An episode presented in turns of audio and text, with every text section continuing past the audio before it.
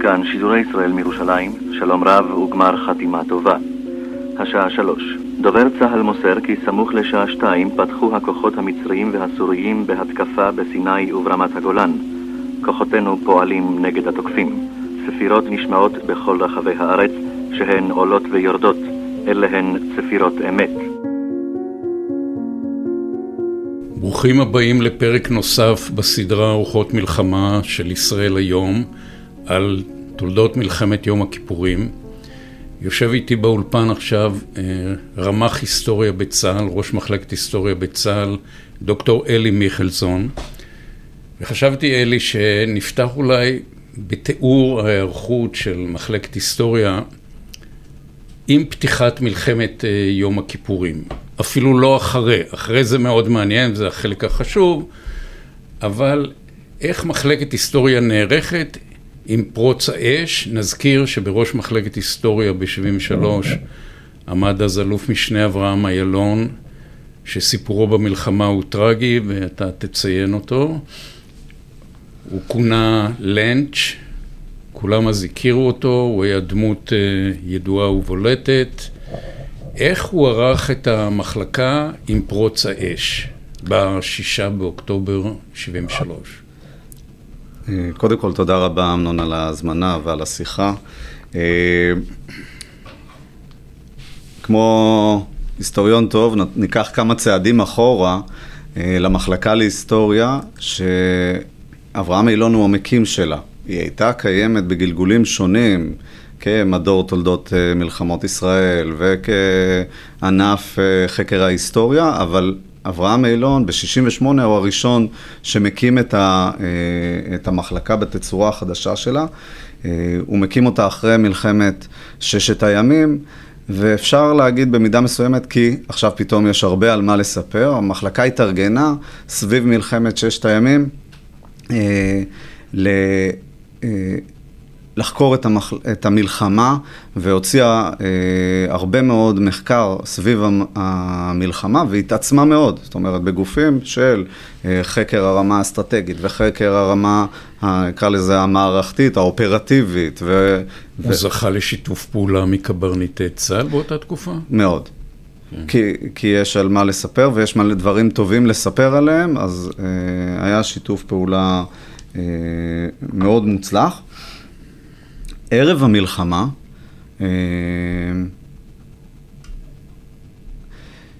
בוא נגל... ב-73. בוא נגלגל טיפה רגע לתפקידים של המחלקה. אז מצד אחד היא חוקרת, וזה המחקרים שהם הוציאו לששת הימים, אבל מצד שני היא מתעדת או, או, או עוקבת אחר הפעילויות של צה"ל, ובשישי לאוקטובר, בבוקר, שהמצפה פתוח ומתחילים הדיונים, אחת האמירות של דדו פונה ללנץ' ואומר לו, תכתוב, אנחנו מתחילים לעשות היום היסטוריה. אז אה, הוא מתחיל, אה, הוא מניע את כל המערכת. אה, אגב, אה, אברהם אילון גם מוציא בסוף המלחמה אה, סיכום של פעילות המחלקה סביב התיעוד והלמידה אה, מהמלחמה, והוא אה, אה, מתאר את האופן שבו הוא פרס את, ה, את הצוותים של המחלקה, צוותים הסדירים, צוותים המילואים, אנשים כמו אלחנן אורן ל-162, פרופסור גבי כהן לפיקוד הדרום, אנשים נפרסו צפון ודרום כדי להצטרף למפקדות ולתאר את כל... זאת אומרת, היה לו צוות, הוא שלח צוותים, חוקרים או כן, מתעדים לכל כן, מפקדה כן, חשובה. כן, היה לו גם סגן שישב איתו, כי אי אפשר 24-7 לחיות, אברהם זוהר יושב איתו והם מתעדים את הרמטכ"ל. הוא מלווה צמוד את סגן הרמטכ"ל, את טליק, בכל האירועים שלו. בעצם המחלקה, כמו, כמו כל צה"ל, גויסה לחירום מלא מלא, ו...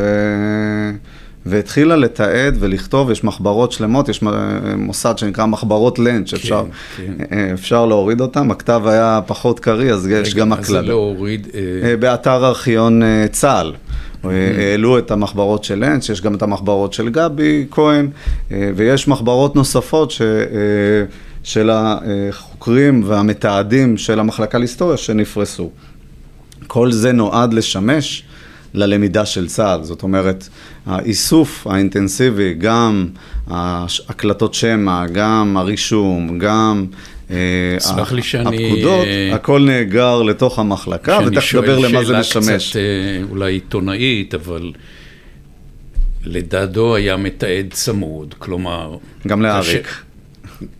גם לאריק. עיתונאים... לא, אני מתכוון, מתעד לנץ', אני מתכוון. כן, כן, אבל היה גם... כאשר נפתחת חקירה אחרי המלחמה, יש מיד את החומרים לקחת. לעומת זה, אני בספק אם היה מישהו שרשם במדויק את שר הביטחון או את... אה, זה לא שאלה עיתונאית, זו שאלה מקצועית. רגע, מי מתעד את ה... זאת אומרת, יש יותר ראיות להפללת הרמטכ"ל מאשר... אה, לא, יש לנו גם את היומנים של גולדה ושרשמו אותה המזכירים שלה. זה אמנם לא דומה כן, לרמ"ח היסטוריה או להיסטוריונים שמתעדים, זה קצת שונה. אבל זה קורה גם בלשכות האלה. זה נכון שאין בדרג המדיני מנגנון. מי, מי ליווה את אריק כ... אה, תכף אני אזכר בשמו, הוא הוציא אחרי זה, אה, את הס... אה, הוציא גם ספר היה, ראש... תראה, היה לו, מפקד החפ"ק היה יהודי מאוד, פרופסור סיקו זוסמן, והוא לא. כתב גם משהו וזה נעלם, נכון? אה, אני לא מכיר את הסיפור הזה. אין סיפור כזה? אני לא, אני לא מכיר את הסיפור הזה. הוא היה מנכ"ל להיות... משרד הביטחון, אבל... והוא בחירום אבל כש... כ... כשהתחלת שאתה רוצה לשאול שאלה עיתונאית, חשבתי שאתה רוצה לדבר על זה שבנוסף להיסטוריונים, גם היו עיתונאים שהסתובבו כן, בין כן, הרגליים, ברור, ואני לא ברור, אדבר עליהם. זה ברור. אני לא אדבר עליהם. אגב, הם הופיעו, אני לא רוצה לרוץ קדימה בסיפורים שלנו, כנס ספק 74, כן. אה, שנערך שלושה ימים, וכל המטה הכללי והאלופי, ההנהלה של הצבא מתכנסת, אחד מהחבר'ה, או אחד מהדוברים, אני לא, אני לא זוכר, אני חושב שזה אורי, אה, אה, אורי בן ארי אומר, כל התופעה הזאת של עיתונאי חצר שנמצאים, זו תופעה פסולה, לא מוסרית, לא ערכית, אבל רגע, אני כבר מריץ את זה יותר מדי קדימה. אה, הטרגדיה שהתחלנו לדבר עליה לגבי אברהם אילון אה, זה בנו שהיה אה, לוחם במוצב החרמון והוא לדעתי קצין, סגן, במוצב החרמון והוא נפל בקרב והיה חלק מהנעדרים אחרי הקרב ו... ראש המחלקה להיסטוריה, לוקח את עצמו והולך לחפש את בנו הנעדר בחרמון, סיפור נורא טרגי, אה, והוא גם מוצא אותו. אה, כל סוגיית הנעדרים, אה, גם יש לנו מאמר בכתב העת של המחלקה היסודות שכתבה דוקטור פנינה שוקר, mm-hmm. והיא מספרת על העיסוק בנעדרים, התופעה של הורים הולכים לחפש את הבנים, את הילדים, אברהם לא היה ייחודי בעניין, היו עוד אנשים שעשו... זה, זה נקודה שלא מדברים עליה, מש... זה, זה לא קוריוז, אבל ב-73' ההנהגה, ובייחוד הדרג הצבאי הגבוה, היו להם בנים בקווים הראשונים. הבן של... או, כן, ש... חיים בר-לב ואחיו היו להם בנים, אחד מהם נהרג. אה, הבן של בני פלד אה, הופל. הבן של אחד מהמטה הכללי, גיד... גדרון יכול להיות? מוסיק... יש, יש כמה מפקדים בכירים בצבא שמאבדים את הבנים שלהם, ביניהם אברהם אילון, ואבר, ואברהם, מכיוון שהוא כותב את ההיסטוריה, הוא מתחיל לכתוב, ב, לא במחברות, אלא בסיכומים, איך הוא קורא למלחמה? מלחמת הבנים והאבות. וככה מופיע בכמה מסמכים, ובעצם זה מבטא בצורה מאוד חזקה את זה ש... אה, גם הוא וגם בנו אה, וגם אחרים אה, יצאו ביחד למלחמה, והשכול השפיע על כולם. השכול השפיע במטה הכללי, גם איבדו חברים, מפקד אוגדה. צריך לציין שגם שני בנים של שר הביטחון היו בקרבות, אודי ואסי דיין. השכול הכה בכולם. אני חושב שהסיטואציה הזאת, ש, אה, אה, שאני תיארתי לך, את הכנס ספק שנכנסים אליו, נכנסים עם הרבה מאוד מטענים, אחד המטענים זה גם זה. שגם גם המטען של, ה, של השכול, בין אם זה חברים, וכמובן הרבה יותר חזק מזה, בני משפחה, הוא חלק אינהרנטי מהעניין. אז מה קורה באותו כנס שהם מדברים על לקחים או על מה היה צריך לעשות? כנס הספק הזה קורה בפברואר 1974, בחצור, שלושה ימים מאוד אינטנסיביים, שבהם כל ההנהלה של הצבא מתרכזת. הרמטכ"ל מגדיר אה, מטרה רשמית לכנס. רגע, אנחנו רוצים לברר את, אה, את מה קרה לנו.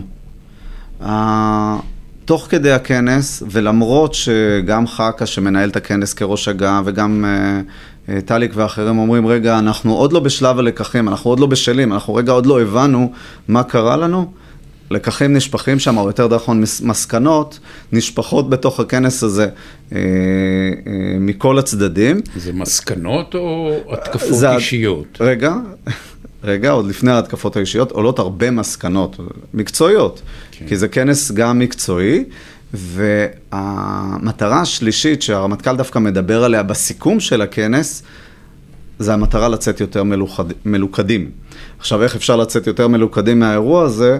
אה, זה האתגר הגדול שבו הוא ניהל את הכנס כדי, אה, רגע, בואו נדבר. כולם מדברים עם עצמם, מדברים אה, בחדרי החדרים, מדברים עם עיתונאים, מי שתכף נדבר על, על הקבוצה שמתאספת, חלק כבר חברי כנסת, חלק מילואים, חלק, כל, ה, כל הארגון אה, הוא קצת אחרת מהמלחמה עצמה, ו... ותהליך הוצאת, נקרא לזה הוצאת הקיטור, ב... קצת בעדינות, רגע בואו נפרוק ונדבר אחד עם השני וכל אחד יוציא את אשר על ליבו אה, וזו הייתה נקודה בזמן בתהליך הפקת הלקחים, תכף נדבר מה זה לקחים, מאוד משמעותית. כי, mm-hmm. כי בעצם מתרכזים כולם. האופן שבו קורה הכנס הוא מחולק לשני חלקים בגדול. חלק ראשון, עולים המפקדים הבכירים מראש אמ"ן והמפקדי פיקודים ומפקדי האוגדות ואחרים, ועולים ומספרים, רגע, מה עשינו. עכשיו אתה שואל על החיכוכים הקשים, מאוד קשים. אמירות של אה, אה, אריק, לדוגמה, כלפי גורודיש, שביניהם זה מלחמת הגנרלים הכי עוצמתית והכי חזקה, אה,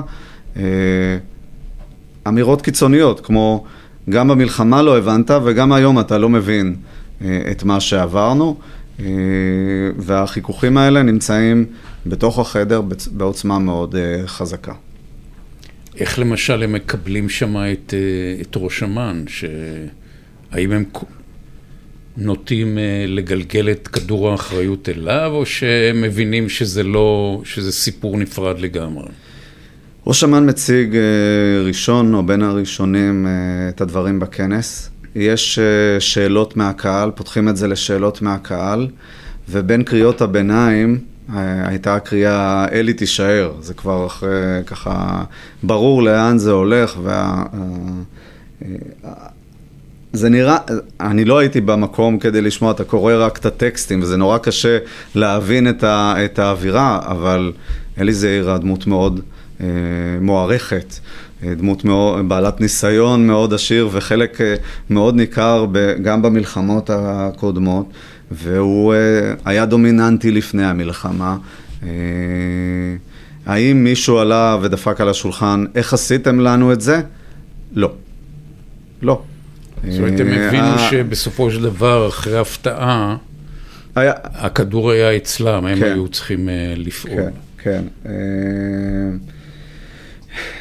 אה, אני, רגע, אני פתח, התחלנו להתעסק בקונספציה, או בלקחים, אחד הלקחים שעלה, והוא עלה מתוך ועדת אגרנט שחקרה באופן יסודי את ההפתעה, היא טענה שבעצם המס... המסקנה המרכזית שלה הייתה שהדבקות בקונספציה... בוא נראה פה, יש לנו, אה, תוך ארבעה חודשים, הוועדה של... הוועדה הזאת מגישה איזה דוח ביניים. זה מנובמבר. אם אם יש לך ועדת חקירה שמגישה היום דוח אחרי ארבע שנים, אז אתה מאושר. מנובמבר ועד uh, אפריל. מנובמבר ועד אפריל, באפריל היא מגישה את הדוח הביניים, ורגע אני רק אסגור סוגריים על המסקנה שלה לגבי הקונספציה, היא אומרת, הבעיה הייתה הדבקות בקונספציה, ואנחנו צריכים לייצר מנגנונים כדי לטפל בזה, ובצה"ל, שאני אה, חוקר ובודק את אופן הטיפול בלקחים, לוקחים את הלקח של הקונספציה ואומרים, אוקיי, אז אנחנו נקים מחלקת בקרה. מקימים את מחלקת הבקרה שידועה בשם איפכא מסתברא ומגישה עם אה, רח"ט מחקר וראש אמ"ן אומרים ככה, אנחנו נבדוק ונציג תזה אחרת. זאת אומרת, יש איזושהי, איזושהי חוברת או איזה פרסום פנימי בצה"ל ש... יש. לגבי יש. לקחי המודיעין? יש גם חוברת על לקחי המודיעין, למרות הטענה הידועה, לא חקרו במודיעין, גם גזית נכנס ואמר, חבר'ה, אם אנחנו עכשיו נשקע לתוך הלקחים, אנחנו בבעיה. עדיין, המנגנון, המנגנון נקרא לו מד, המנגנון נקרא לו מטכ"ל, המנגנון נקרא לו גם אגרנט, מחייבת אותה גם להתייחס למסקנות וגם להפיק לקחים. וכן, יש לי על השולחן במשרד חוברת עבה, לקחי מלחמת יום הכיפורים של אמ"ן.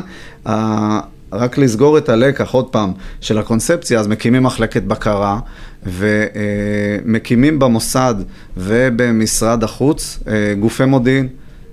גופי מודיעין שייתנו הערכה אה, אה, שונה, וגם מחזקים את הפיקודים. הפיקודים אה, אה, לפני המלחמה, שהייתה להם איזושהי הערכה, הם היו נחותים מבחינת מעמדם והיכולת ההשפעה שלהם, לחזק את הפיקודים מבחינת היכולת להניח אה, אה, מסקנה שונה. להגיד שאמן קיבל את זה בחפץ לב, גם את הלקח הזה, בשורות הקטנות, שאני מסתכל על האופן שבו הם אה, אה, פותרים את, ה, את הבעיה, שהיא בעיה יותר עמוקה, הם אומרים, הבעיה הייתה בקונספציה, שהיא הייתה שגויה, ולא בדבקות בקונספציה. אז בעצם נפתח על זה אה, ויכוח אחר. אה, התחלנו לדבר על אגרנט, ואגרנט מצד אחד היא מחסום... פה צריך לעצור רגע ולשאול, האם הכל עניין של אה, מנגנונים או מכניזמים או שיטות, כמה זה... כמה זה פותר את הבעיה. וכמה זה איש, עניינים אישיים. זאת אומרת, שוב, במודיעין, שאני איכשהו נמשך לשם, ההבדל התהומי בין אישיותו של ארלה יריב לבין אה, היורש שלו, אלי זעירה.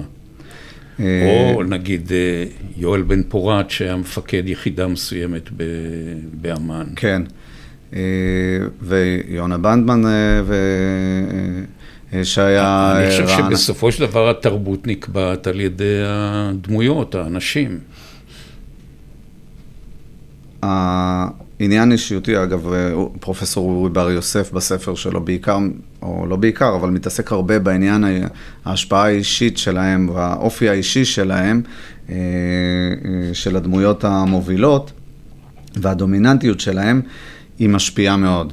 זה, אי אפשר לנטרל את זה.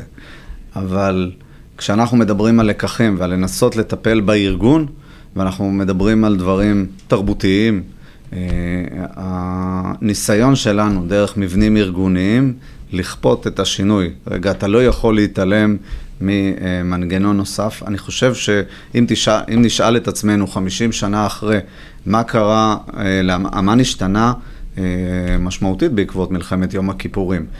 זה שהיום יש בפיקודים, קציני המודיעין בפיקודים, עמדתם ומקומם מאוד משמעותי ביחס להערכות. אה, זה מושפע משם. אה, מחלקת הבקרה והיכולת שלה להגיע, להגיד למערכת, חבר'ה, עצרו, אה, אתם לא רואים את הדברים נכון.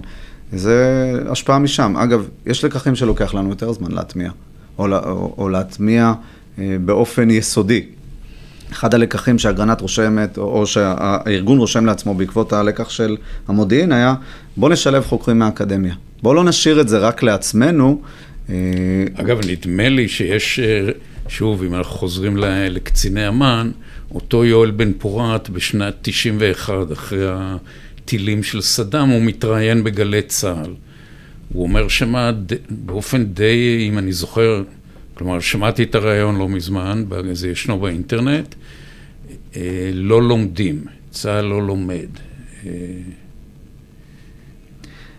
אולי הוא לא למד, אבל הוא נשמע מדבר די בביטחון, די ב... יש הוא הרבה... נשמע אינטליגנטי למרות ש... יש הרבה, אה, אה, יש הרבה אנשים אה, שחלק מהטענה שלהם, כמו עמנואל ולד, בקהילת הכלים השבורים ואחרים, שטוענים שצה"ל לא מפיק את הלקחים או, או דברים אחרים. אני, אני דווקא טוען שצריך להסתכל על זה בצורה שלמה.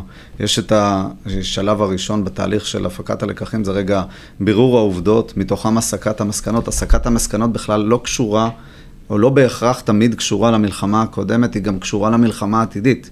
כן. אנחנו צריכים לחבר את זה למה אנחנו הולכים לפגוש, ולא דווקא למה שפגשנו. והדבר המורכב, הרבה פעמים אה, הוא מורכב יותר, זה הסיפור של אה, מימוש הלקחים. זאת אומרת, הדרך בין לקחת, להגיד, חבר'ה, אנחנו צריכים קרב משולב, חבר'ה, אנחנו צריכים אוגדה שתהיה ככה ותהיה ככה, בסוף אה, להרכיב את הפאזל ולשבור את המסגרות הארגוניות, את הכיתות ולערבב את, את הגופים ולגרום להם לפעול אחרת. זה עניין כן. אה, שדורש אה, דרך ארוכה יותר. והתרב... עכשיו, אני רואה אחד הסעיפים בתרבות הלמידה, זה תולדה של ועדת אגרנט, שהיא כאילו, זה לא המלחמה שאחרי המלחמה, בכל אופן, אין ספק שוועדת אגרנט, אתה רשמת פה תחושת כישלון, היא הטמיעה, אולי גם בתודעה של הצבא, בוודאי בתודעה של הציבור, תחושת כישלון. אה, האם זה מצב נפשי או קשה לדבר על צבא ומצב נפשי, אבל מצב נפשי קולקטיבי שמוביל, עלול להוביל למסקנות לא נכונות, או ל... אה, אה, קודם כל בוא נברר לעצמנו מה הייתה התחושה. אה, עולה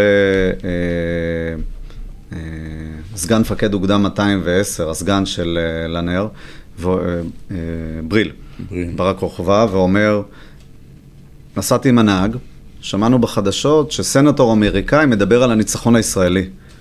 ואז הנהג אומר לו, זו פעם ראשונה שאני שומע שמישהו אומר שניצחנו.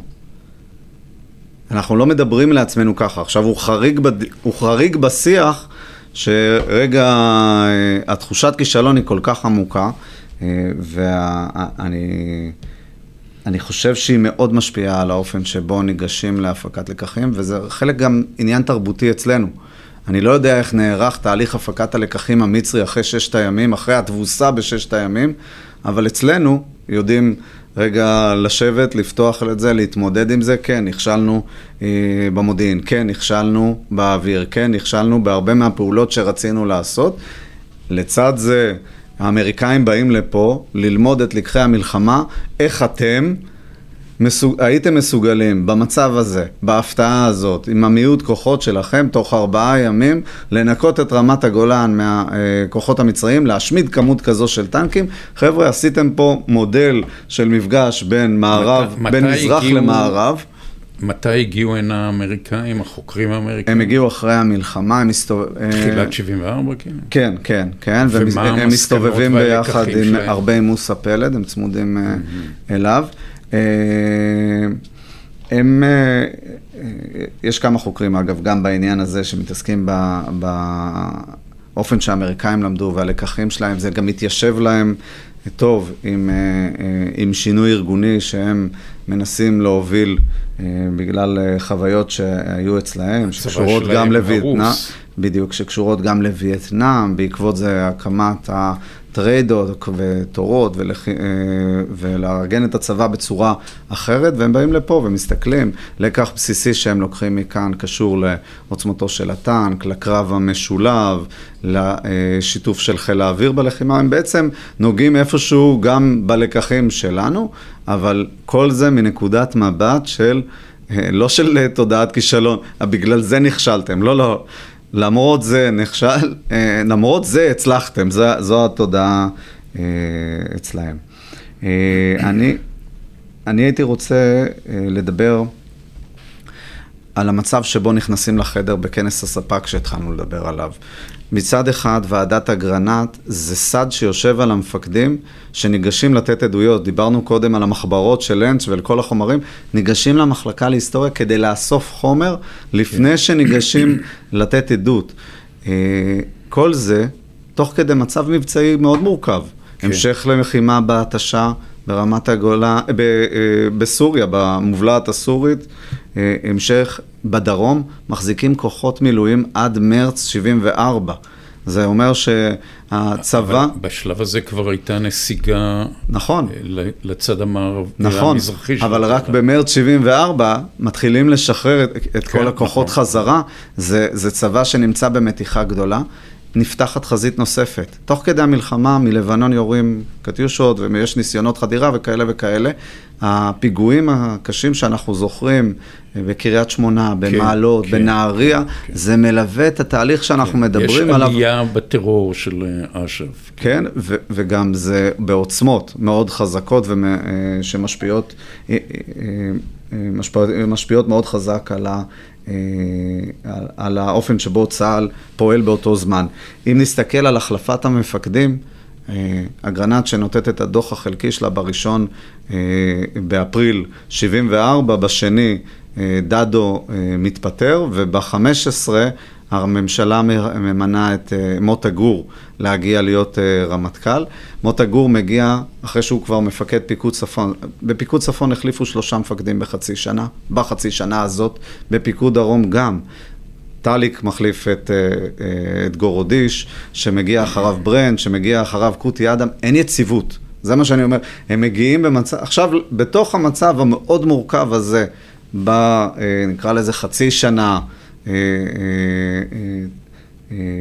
אחרי המלחמה, צריכים לקיים תהליך למידה, וצריך לשקם את הצבא, וצריך לארגן את הצבא, וצריך לטפל בהרבה מאוד דברים. בהם גם השכול, בהם גם הנזקים ביחידות, יחידות שנפגעו מאוד קשה. ולהקים... נראה שבאותה תקופה, ואני לא יודע אם אה, מחקרים של... אה, אם אנשי מחלקת היסטוריה באותה תקופה יכלו לתעד דבר כזה, היה איזה משבר אמון בין הקצונה של הדרגים הנמוכים לבין הפיקוד הגבוה. כן. היה משבר אמון בכמה נקודות. אני זוכר את זה ב, ביחידה מסוימת. היה משברי, משברי אמון בכמה נקודות. נקודה אחת קשורה למילואים. אה, אנשי המילואים מסיימים את השירות שלהם והולכים להפגין. מוטי אשכנזי זה הדוגמה המובהקת, אבל בתוך הצבא זה גם מחלחל. חכה אומר, באים אליי אנשים, שואלים אותי אם אני מהמחדל או מהמילואים. מאיזה צד אתה? אה, בתוך היחידות מורל מאוד אה, נמוך. יוסי... יוסי פלד, מח"ט 205 בתור, במלחמה, רושם את זה בביוגרפיה שלו. מאוד קשה להזיז אנשים בגלל התחושה העמוקה של, אה, אה, של כישלון ושל אה, חוסר אמון. דווקא דדו אומר, אנחנו מספרים לעצמנו שהניצחון היה של הלוחמים ושל המפקדים, וזה נכון, הלוחמים והמפקדים וה, והפצועים וההרוגים, כולם אה, הם אלה שהביאו לנו את הניצחון, אבל צריך לזכור שגם למעלה הצלחנו אה, לעשות כמה דברים, ואני לא רוצה להגיד אה, שה... שהשיח היה רק מוטה ל... ברגע שאתה מדבר בכנס ספק כזה, זה כמו עדות לוועדת אגרנט. זה חומר אוטומטי שעובר כן. לוועדת אגרנט. אז חלק מהדברים נשקלים באופן הזה של, של איך מתייחסים ל, לשיח. היה איזה כנס, נדמה לי, של מפקדים בפיקוד דרום, יכול להיות, ש... אני זוכר אמירה של אריק שרון, שוב, ש... שלאור הנסיגה שלנו לטווח של איזה 15 או 20 קילומטר מהתעלה, הוא מפקפק אם היינו צריכים לצלוח את התעלה. היו אה, שישה כנסים בפיקוד דרום, אה, והם... אה, לקח בפיקוד דרום הרבה מאוד זמן בגלל המטען הבין-אישי. לקח הרבה מאוד זמן לברר את העובדות. עכשיו, אה, הוויכוחים בתוך הכנס הזה נבעו מעניינים מקצועיים. הניתוח, אחד האירועים היותר מורכבים זה כישלון התקפת הנגד. כישלון התקפת הנגד בשמיני אה, באוקטובר. בדרום. בדרום, הכל בדרום. כי זה בדיוק, זה משהו שדיברתי איתו עם, אה, על, על זה עם בני מיכלזון, בצפון זה מצליח, בצפון אבל זה- אף אחד לא שמע על זה בחמישים השנים האחרונות. כן. מצליח מאוד. כן. ה- בדרום זה נכשל, אז מדברים על זה מכאן ועד להודעה חדשה. כי זה יושב על הרבה מאוד, אה, נקרא לזה... אה, יריבויות פוליטיות. לא רק יריבויות פוליטיות. הטקסטים, גם אצל אה, שמעון גולן שמתאר מה קורה במטה הכללי, וגם אלחנן אורן שמתאר מה נעשה בפועל בשטח, הטקסטים מעלים פער מאוד גדול בין מה שהמטכ"ל רוצה, מה שאמרת כרגע, רגע, חבר'ה, לפני שאנחנו רצים קדימה לצלוח, אנחנו, בוא נייצב קו להגנה. גם דיין מדבר על זה, גם דדו מדבר על זה. חבר'ה, התקפת נגד זה בסדר, תייצבו קודם קו, שאנחנו מוכנים, נצא להתקפת הנגד. להתקפת הנגד יוצאים בשמיני לאוקטובר מ- מתוך התגייסות ומסע של 200 קילומטר עם הטנקים לתוך שדה הקרב, ובסוף אנחנו מכירים את התוצאות, אבל, אבל לפרק אירוע כזה ולהבין, רגע, למה זה קרה לנו? אה, למה אה, במטכ"ל חושבים א' ובפיקוד חושבים ועושים ב'? מה, על מה יושב הנתק הזה? אה, גם בהבנות של מה שקורה בשטח. אגב, אחד הלקחים קשור למודיעין. איפה, איפה המצרים בכלל? ולאן הם בכלל רוצים להגיע? וגורודי שואל את השאלה, איפה המאמץ העיקרי שלהם? אין מאמץ עיקרי. אין מאמץ עיקרי, זה חלק מהרעיון האסטרטגי שלהם. איפה הטנקים שלהם? למה אנחנו לא מוצאים את הדיוויזיות טנקים שלהם? בתוך האירוע הזה, עכשיו אתה אומר, זה עניין אישי. לא, לא, רגע, יש פה עניין מערכתי של איך אנחנו חושבים על האויב, איך אנחנו חושבים על הצורות לחימה שלו. בתיעוד של אלחנן אורן בריל טיים, במחברות שלו, יש איזה סימנים, עקבות למבוכה הזאת? סתם, זה מעניין. אה, אה, אני לא... הוא לא... יושב עם ברן. הוא יושב עם ברן. הוא יושב עם ברן, אני, אני לא זוכר להגיד אה, דברים ספציפיים ש, שיש שם בהקשר, בהקשר הזה. אגב, אה, התקפת הנגד, אה, ועדת אגרנט חוקרת אותה באופן אה, מאוד משמעותי, כאחד, ה, כאחד הכשלים הגדולים במלחמה.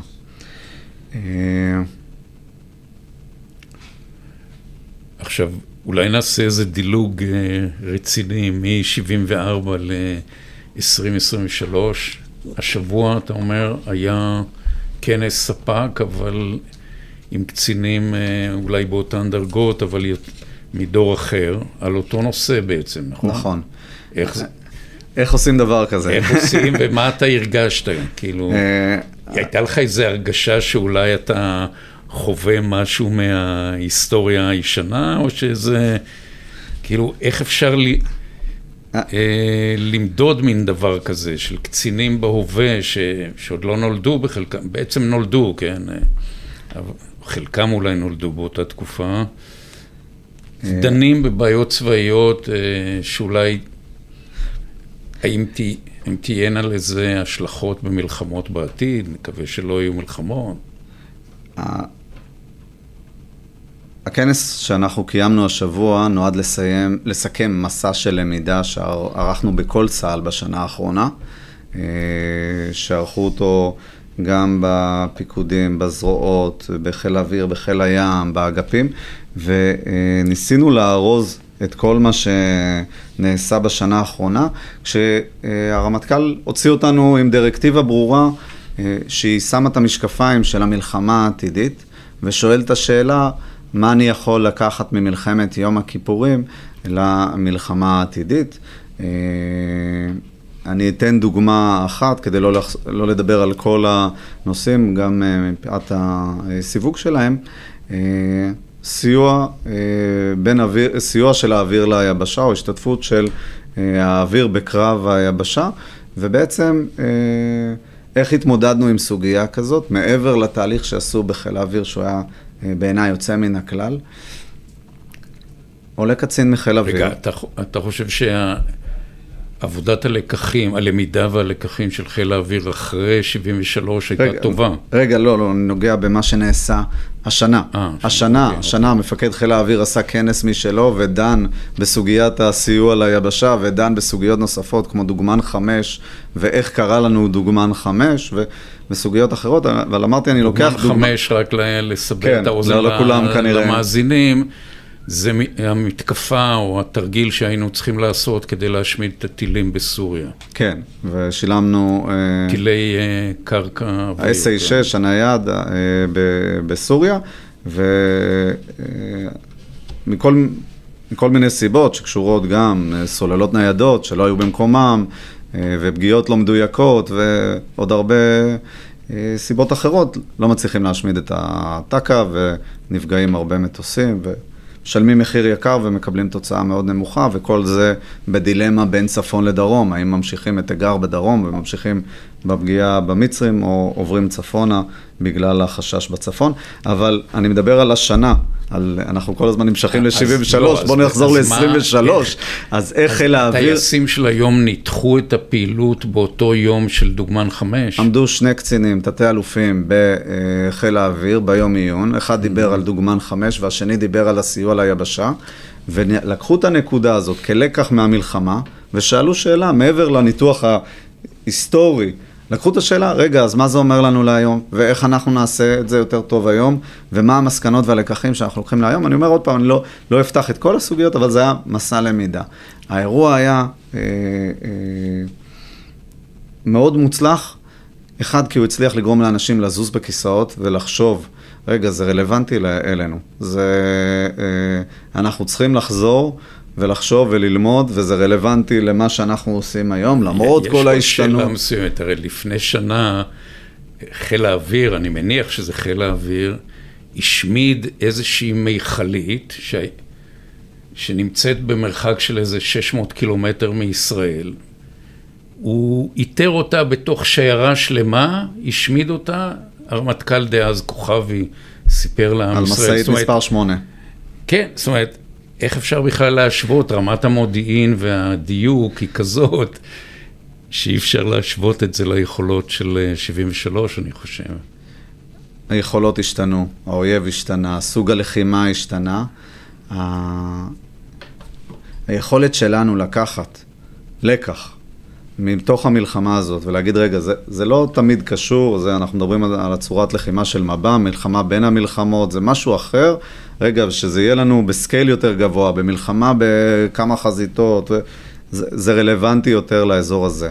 אבל אני לוקח חלק מהלקחים לרמה העקרונית. Mm-hmm. אגרנט לדוגמה אומרת לנו, אה, הזנחתם את ההגנה. לא התאמנתם בהגנה, אתם לא יודעים את צורת הקרב הגנה, טעיתם בשפה שבה אתם מדברים גם הגנה, וההיערכות שלכם לא הייתה מתאימה. הלקח להיום לא אומר, בואו נתאמן בהגנה, בואו נחזור לשפה של הגנה. הלקח של היום אומר, רגע, המילה הזנחה. אנחנו שואלים את השאלה היום, מה אנחנו מזניחים שאנחנו עלולים לפגוש אה, בקרב הבא? וכל זה יושב על תחרות למידה בינינו לבין האויב, שהוא מפתח שיטות לחימה חדשות. אנחנו, התוכניות שלנו משתנות לא, לא רק אה, בגלל אה, אה, מפקדים שמשתנה, משתנות כי השיטות של האויב משתנות, הן משתנות כי האמל"ח שלו משתנה והיכולות שלו משתנות. אנחנו צריכים לעקוב אחרי זה, ללמוד את זה, ולשאול את עצמנו, רגע, מה, מה אנחנו אני, צריכים... אני רואה לש- שאתה אתה רשמת נקודה מעניינת, לקחים תרבותיים. מה זה נקרא לקחים תרבותיים ב... בתוך תרבות של אה, הריגה. ובצורה היעילה ביותר? לא. אה, אני לא התכוונתי... לא, לא, אני- לא, לא ללקח תרבותי. אני... כדי להתחיל, כדי להסביר על לקחים שעיקרם דורשים שינוי בהיבטים תרבותיים, אני אפרק רגע רבדים שונים של, של לקחים. יש רב... את הרובד הנמוך ביותר, את הלקחים הטקטיים. צריך ללוחמת לילה, אמצעי ראיית לילה. זה טקטי. נתת למפקד משקפת אה, לראיית לילה, זה מצוין. אה, ועוד דברים נורא בסיסיים. נורא בסיסיים. אתה צריך שהחי"ר יגיע, אתה צריך לנייד אותו איכשהו, אתה... זה לקחים טקטיים. יש לקחים מערכתיים, דיברנו על ההגנה, זה לקח כן. שהוא אופרטיבי יותר מערכתי, ויש לקחים אסטרטגיים. איך מונעים הפתעה או איך נערכים למצב של הפתעה, זה לקחים ברובד האסטרטגי. כשאתה מחליט, הלקח זה החלטה, שאתה מחליט עכשיו, שאתה רוצה להגיע להישג מסוים, קרב משולב, זה אומר שאתה צריך לטפל בעניינים תרבותיים בארגון. יש לי ארגון מסוים, יש לי את גייסות השריון, יש לי את חיל הרגלים, יש לי את ההנדסה, יש לי את הארטילריה, ואני מתכוון שהם כולם יהיו ביחד. אז איך אני מטפל בארגון בצורה אה, לא תרבותית, אלא בהיבטים התרבותיים של הארגון, ההתנהלותיים אה, של הארגון, כדי שהוא יוכל להשתנות. וזה אזורים מאוד מורכבים. לצערי, נקרא לזה קללת הלקחים החוזרים. אם אנחנו לא מצליחים לגעת בנקודות שורש כאלה, וזה קשה, זה לא... אתה עכשיו, אומר, uh... הבעיה פה היא איך לחבר uh, קצינים או מפקדים מזרועות או מיחידות שונות כן. ללכידות אה, כן. של יחידה אחת. הסיוע ביבשה, אני חקרתי, הדוקטורט שלי הוא על הלקחים ב-56 של צה"ל. מ... יש קריקטורה מאוד נחמדה, למי שהיה בשטח זה כנראה לא היה מצחיק עבורו, שהוא שואלים איפה הקאסה, קצין סיוע אווירי. זה לקח מ-56, והוא עולה עוד פעם ב-2006. רגע, כל עוד יש את הארגונים המאוד חזקים האלה, חיל האוויר וכוחות היבשה או זרוע היבשה, האופן שבו אנחנו מצליחים לחבר ביניהם ולגרום לדבק הזה לא להיפרם עם הזמן, או לא להיפרם, אה, אה, או לא להידלדל עם הזמן, זה, ה, אה, זה הקושי המרכזי. כי, כי הארגונים, היסודות שלנו הם מאוד חזקים, הם לפעמים יותר חזקים אפילו מהלקח. אני רוצה לחתור לסיום ולדבר על נקודה אחת, אולי אני טועה, אבל בסופו של דבר התחושה היא שגם צה"ל וגם החברה הישראלית לוקחים ממלחמת יום הכיפורים כ- כמסקנה הכי קשה, שאסור שתיגרם לנו עוד פעם הפתעה. שנושא ההפתעה זה הנושא המרכזי והמכריע ביותר לגורל החברה הישראלית, מדינת ישראל. אז אם ככה, וגם אה, שמענו את זה לא פעם, אה, חזור ושמוע, אפשר להגיד, מרמטכ"לים, משרי ביטחון, לא תהיה הפתעה, אנחנו מבטיחים, אנחנו לא מבטיחים. אז איך צה"ל באמת, או בכלל אה, זרועות הביטחון, התארגנו כדי למנוע את המצב ההפתעתי? המסקנה תהיה כמובן, אנחנו חייבים לפעול שזה לא יקרה, לעשות משהו. אני חושב שיש כמה מסקנות בנושא הזה, אה, ואחת מהן קשורה להבנה שלנו שהפתעה יכולה לקרות. אה, גם אחרי שאנחנו חווינו את זה, ו... גם אחרי שחווינו את זה, ואמרנו לעצמנו שזה לא יקרה יותר. אנחנו לא משחקים לבד את השח הזה. יש אה, גם צד שני שמנסה אה, ליצור את התנאים המיטביים עבורו. אה, אנחנו יש לנו אגף מודיעין מאוד חזק, ויש לנו גופי ביטחון וקהילת מודיעין מאוד חזקה, והם עושים את כל המאמצים אה, כדי להבין. אגב, אחת הסיבות שיש לנו, או שיש לנו את הרצון הזה לא להיות מופתעים מעבר לסיבה המבצעית, המבצעית אה, אה, של ההיתקלות בשדה הקרב, היא גם הסיבה של החברה הישראלית והמשק הישראלי, שאתה לא רוצה להיות כל היום פרוס, מתוח, עם המילואים מוכן, מטוסים באוויר ו... אם אנחנו נהיה במצב דריכות הזה, אנחנו נקרוס במקומות אחרים. ולכן המודיעין החזק הזה נדרש לספק את ההתראה, אבל מצב היסוד של המפקדים אה, בשטח, מה שנקרא, בזירות השונות, בזירת הים, בזירת האוויר, בקרקע, בלוחמת היבשה, שיהיו דברים שיפתיעו אותנו בשדה הקרב, לפעמים קטנים יותר, לפעמים גדול, גדולים יותר. נלך למנהרות של 2014, אה, עוד מעט אה, עשור למבצע צוק איתן. ידענו שיש מנהרות, כמעט כמו שידענו שיש סגרים, סגרים. ואיך אתה מצליח להתמודד עם שינוי מערכתי של האויב בצד השני. לא, לא בר השוואה מלחמת יום הכיפורים למבצע צוק איתן, אבל עדיין, אנחנו... אה... לי, לי דווקא עשה רושם שאנחנו כאילו הסתערנו על המנהרות מתוך אותו מניע אה, מוטעה, כמו שהסתערנו לעבר המעוזים, שזה היה בזבוז אנרגיה צבאית. אה, אני חושב שצוק איתן זה סוגיה אחרת שצריך לפתוח כן. אותה, אבל אה, אחת המטרות של המבצע הייתה לקחת לאויב את, ה, אה, את הזרוע הזאת שנקראת המנהרות ואת האיום הזה שנקרא המנהרות, וזו ההצלחה במבצע, ו, ולכן ברגע שאתה מגדיר לעצמך מה אתה רוצה להשיג, אתה עושה את זה. זה לא בדיוק אותו דבר כמו עכשיו, המעוזים. בפרספקטיבה הזאת של 50 שנה, עמדנו במשימה שהטלנו על עצמנו לא להיות מופתעים באותה צורה?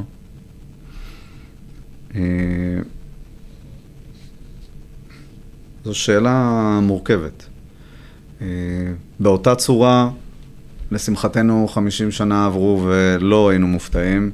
עוד פעם, זה קשור גם לצד השני. אה, ובחמישים שנה קדימה אנחנו מאחלים לעצמנו שלא נופתע בצורה הזאת. אבל עוד פעם, זה לא רק יושב על הצד אדום ועל המודיעין. מנהרות ידועות, שאלה איך אתה מסוגל לתרגם את זה למענה אופרטיבי שהולם את הבעיה החדשה, וכל הזמן בעיות חדשות נוצרות בשדה הקרב, ואיך אתה אה, מתמודד איתן. אז אם ככה אפשר לסכם שאנחנו נפגוש... הדבר היחיד שבטוח, כמו ששמעתי פעם, זה שתהיינה הפתעות. כל טוב ותודה לך, אה, אלי מיכלסון. תודה רבה.